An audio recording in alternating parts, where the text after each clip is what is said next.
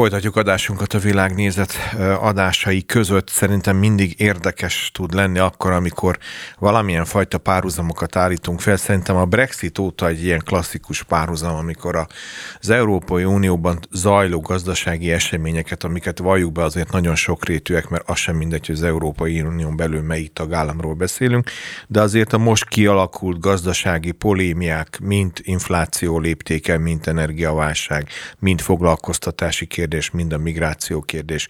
Azért azt gondolom, hogy tudnánk róla beszélni geopolitikai szempontból is, illetve ilyen makroelemzői szempontból is, de most Nagy-Britanniával foglalkoznánk, mert ez egy érdekes párhuzam a Brexit óta, mint ahogy az előbb is említettem.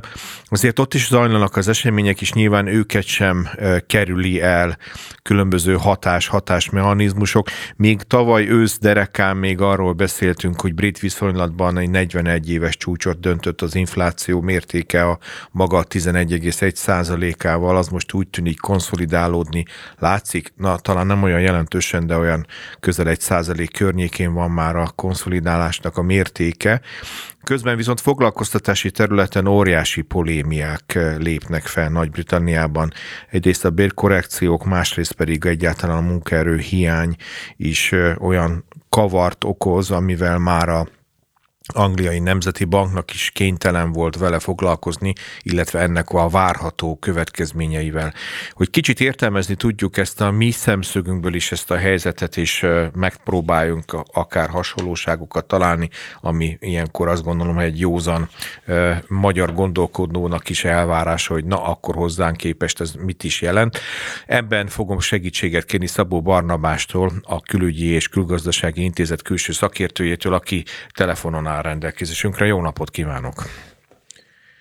Jó napot kívánok, üdvözlöm a hallgatókat! Izgalmas dolog ez a brit világ, és ön, mint ennek a területnek a szakértője, azt gondolom, hogy szinte napról napra e, ehhez képest nagyobb impulzusokkal kap információkat Nagy-Britanniáról. Hogy látja most ön a brit gazdaságot úgy általában, és azon belül ezt a foglalkoztatási kérdést? Valóban izgalmas. Vannak egyébként kevésbé izgalmas vonulatai, és bizonyos témák már 4-5-6-7 éve folyamatosan ugyanúgy kerülnek elő, de most valóban ez a, a rendkívüli gazdasági helyzet, ez adott a Brexit utáni kontextusnak még egy újabb csavart, és hát valóban az a helyzet, hogy rekordokat döntött az infláció az Egyesült Királyságban is, ahogy ön is mondta, ezt már elkezdték visszaszorítani, hát most már nem annyira rossz a helyzet, mint amennyire néhány hónapja mondjuk volt, de hát ettől még folyamatosan vesztik az értéküket például a a bérek, úgyhogy nagyon-nagyon komoly nyomás nehezedik hát a kormányra is, mint munkáltatóra, és a munkáltatók általában, hogy korrigálják bizonyos csoportok bérezését. Egyébként ezek között ugye nagyon fontosak is vannak, nem tudom, a mozdonyvezetőktől, az ápolókon keresztül, az orvosokig. Nagyon-nagyon sok csoport, tanárok, stb. lépett fel azzal az egyébként nyilván jogos igényel, hogy hát szeretne megélni a fizetéséből. Úgyhogy hát ez, ez jelentős akár fennakadásokat is okoz a, a brit gazdaság működésében, hiszen a sztrájkok akár, a sztrájkokat ott azért komolyan veszik még, tehát előfordul például a vasútvonalak leállnak, mondjuk, vagy, vagy kórházak kisebb kapacitással működnek. Igen, egyébként ezt pont ezt akartam kérdezni, hogy ugye felsorolta a gazdasági élet, vagy egyáltalán azt lehet mondani, hogy a, a, az, életnek különböző felületeit is itt az oktatástól, akár a logisztikántól, az ipar különböző szereplőit is, hogy ennek az érdekérvényesítési területének talán azt lehet mondani, az egyik legklasszikusabb tradíciója az ebből az országból származik, hisz az ipari forradalomtól már sztrájkoktól, szakszervezetekről azt mindig valahogy a britekhez tudtuk kötni, és ahogy ön ki is hangsúlyozta, ennek azért van is súlya, tehát van, van ilyen értelemben érdekérvényesítő képessége. Vajon ez most is kell, hogy működjön, vagy azért itt igazából azért egy másfajta gazdasági mechanizmus is mutatkozik. Többek között ugye a foglalkoztatás területén bizonyos statisztikai számok arról számolnak be, hogy komoly munkaerő hiány is lép fel. Ez így van, a helyzet több szempontból ellentmondásos. Ugye egyrészt vannak ezek a szektorok, ahol meg kellene emelni a béreket, másrészt ugye ott van a kormány, amit most Rishi Sunak vezet, aki végül azzal tudta megszerezni a miniszterelnökséget és költözetet be a Downing Streetre, hogy határozottan olyan ígéreteket tett, amik abba az irányba mutatnának, hogy ő aztán minden eszközzel megpróbálja lejjebb törni az inflációt. Ugye a fizetésemelések határozottan nem ebbe a, a, az irányba hatnának. Ugye, és az egésznek van az a, az, a, az a máig tartó Brexit körítése, ami hát azért egy kicsit azt sugalja, hogy bizony Nagy-Britannia most könnyebben vészelni ezt, át ezt a nehéz időszakot, hogyha véletlenül éppen az Európai Unió része lenne.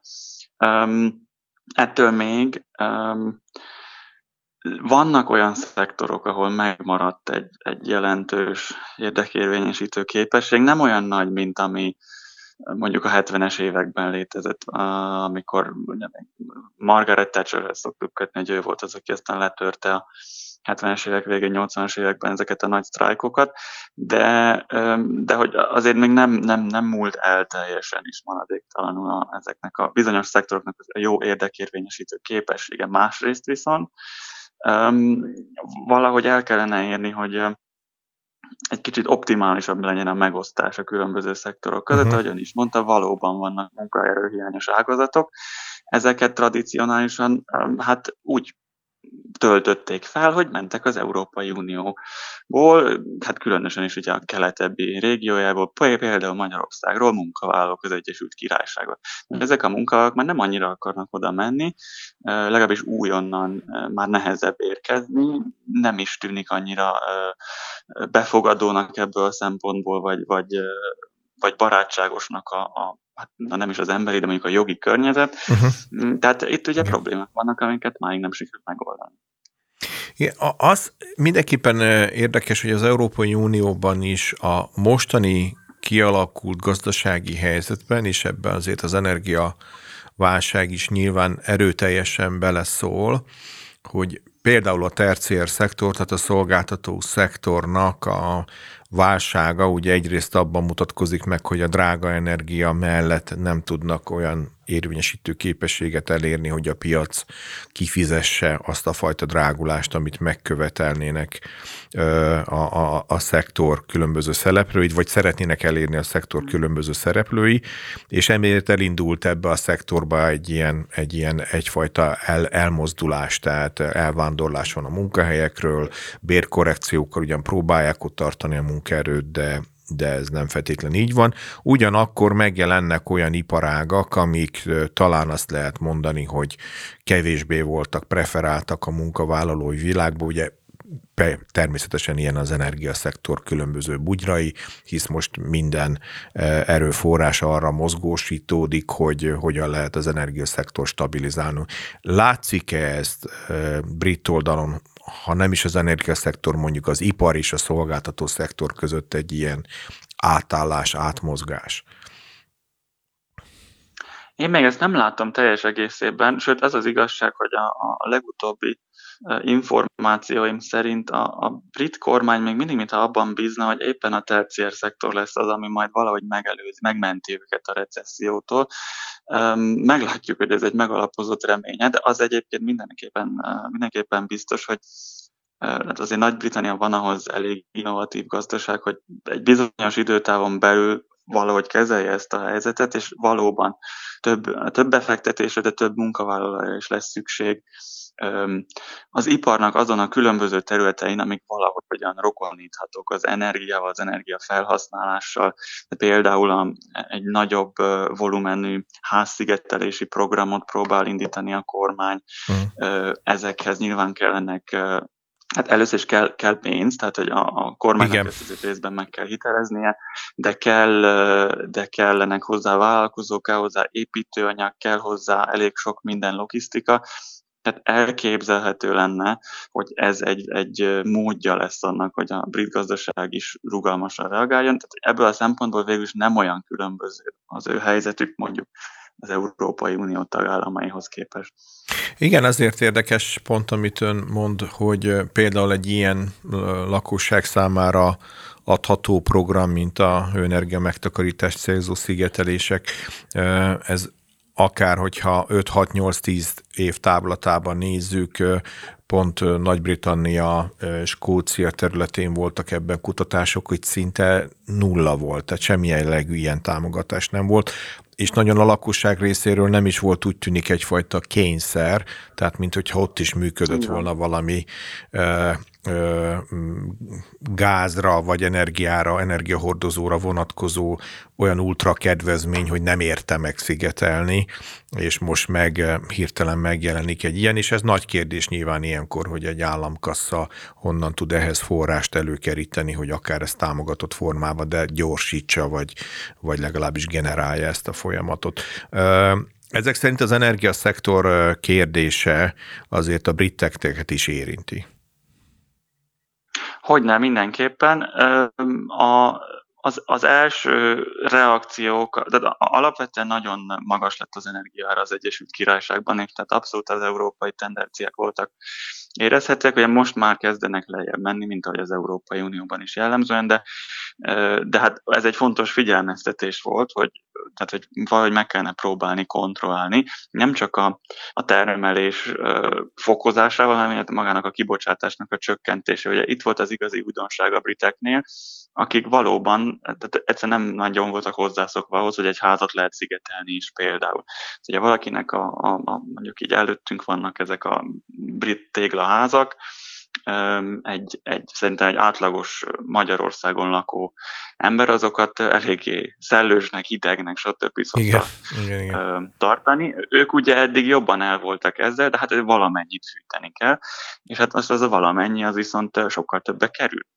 Tehát itt, itt lennének lehetőségek arra, hogy valóban viszonylag rövid távon megtérülő módon azért lehessen olvasolni ezt a helyzetet. A brit kormány nem teljesen ebbe az irányba megy el, hanem ugye rögtön azt kezdték nézni, hogy akkor az északi tengeren honnan és mit lehetne még kitermelni ami hát érthető reakció végül is az adott esetben, de nem biztos, hogy ez annyira fenntartható.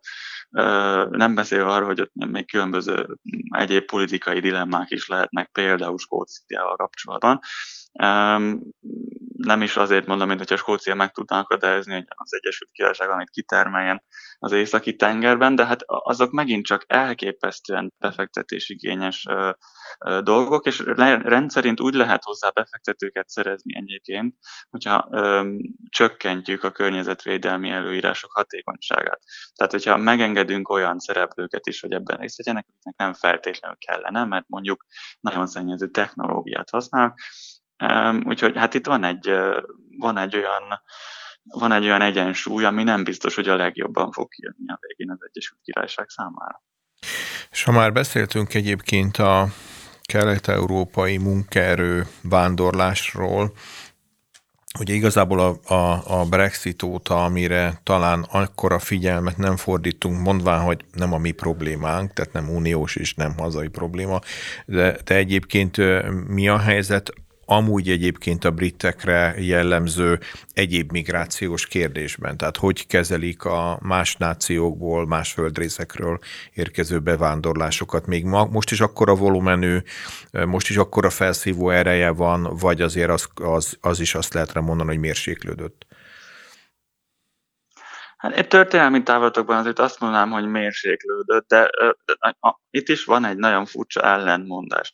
Ugye egyrészt az Egyesült Királyság azzal lépett ki az Európai Unióból, illetve ez volt a szlogen egyik része, hogy ő szeretne globális Britannia, például a, a, a nemzetközösség országaival, tehát kvázi ugye a korábbi gyarmatbirodalmából megmaradt kapcsolatokat átmentő intézménye, és az, annak az országaival szorosabb kapcsolatot fenntartani például. Most ehhez képest, ahogy, ahogy a Brexit narratíva előre haladt, és ahogy ugye arról volt szó, hogy visszavesszük az irányítást és a szuverenitást, stb. stb., és hogy mi nem akarjuk, nem tudom, lengyel visszazetékszerelőket, meg a e, magyar pultosokat, meg stb. stb. Úgyhogy ez egyébként átterjedt minden másfajta ország e, e, megítélésére is, és ebből származtak olyan, hát minimum kérdőjelezhető, de, de gyakran inkább veszélyes tervek, mint hogy hát mindenfajta mondjuk menekült kérő, szem Ruandába szerettek volna átrepíteni az Egyesült Királyságban, hogy majd ott megvárják mm. a, az ügyüknek a tárgyalását. Ez egy, tehát egy, ebbe teljesen belelovalták magukat most a, főleg a, a közelmúlt ugye a párton belüli választási csatáiban a, a brit konzervatív párt politikusai, miközben nyilván, tehát hogy azért az ötletről meg lehet mondani, hogy nem annyira jó kivitelezhető, tehát mi az, hogy repülőkkel viszünk Af- Afrika és az Egyesült Királyság között oda-vissza embereket csak úgy, hogy várjanak valamit, tehát hogy ez, ez nyilván nem egy túl jó ötlet volt, ehhez képest mondjuk annak idején Suhela Braverman a, a korábbi kormányok egyik fontos tagja, aki egyébként szintén tulajdonképpen bevándorló származású a családi hátterét tekintve, azt mondta, hogy hát nagyon örülne például, amikor meglátja az első ilyen járatot, hogy felszáll Nagy-Britanniában, és elindul Afrika felé. Tehát teljes, egy ilyen teljes kommunikációs káoszba ment át az egész, és aztán mindenki elkezdett mindenfajta bevándorlásra kapcsolatban nagyon gyanakóan reagálni, illetve megérezték bizonyos politikusok azt, hogy, hát itt, itt van, van bizonytalanság, amivel lehet a adott esetben politikai tőkét kovácsolni, de konkrét és jól működő terv ennek a, a kezelésére, átlátására nem igazán van. Ugye az alapvető ötlet az, hogy mostantól az mehet az Egyesült Királyságba, aki a de bizonyos hiányszakmákban szeretne elhelyezkedni, illetve akire konkrétan lehet tudni, hogy van úgymond hely munkaügyi szempontból. Uh-huh. De hát ez egy, azért ez egy elég nehezen kiszámolható rendszer, még Ausztráliának sem nagyon sikerült jól kialakítani, pedig ők régebb óta csinálják. Hát igen, az egy másik tradícióval rendelkező földrész. Szabó Barnabásnak, külügyi és külgazdasági intézet külső szakértőjének köszönöm, hogy a brit helyzetképpel, foglalkoztatással, energiapolitikával, munkaerőhiányjal és esetlegesen a brit háztartások még hőszigetelésével is tudtunk foglalkozni. További szép napot és jó időtöltést kívánok az államokban. Viszont kívánom.